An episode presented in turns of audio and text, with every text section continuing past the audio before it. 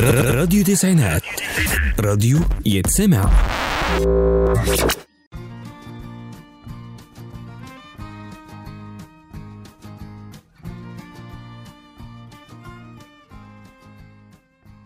يا مساء الفل عليكم يا سميعة الراديو في كل مكان.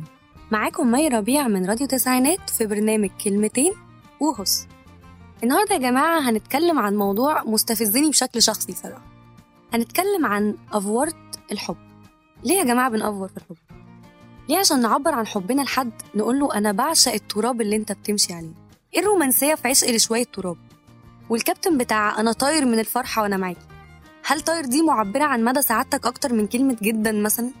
واللي بيقول أنا بدوب فيكي. فيزيائيا اللي أنت بتقوله ده ما ينفعش. فما تأفورش. في بقى اللي بيقول كلام مش مفهوم. يعني يا نن عين قلبي يا حياة عمري.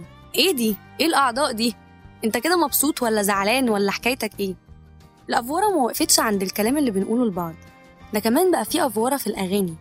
يعني مثلا الأستاذة ميادة الحناوي قالت له مهما يحاولوا يطفوا الشمس مهما يزيدوا علينا الهمس. انت متخيل ان في ناس شريرة ممكن يعملوا عليهم خطة فيحاولوا يطفوا لهم الشمس؟ لا ويزيدوا عليهم الهمس. جه بقى الأستاذ مدحت صالح وقال لحبيبته آه يا بنت القلب يا بنت الحب يا بنت السوق الله.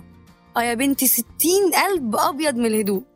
أنا نفسي أفتح قلبك وأدخل وأقعد فيه. إيه يا أستاذ مدحت؟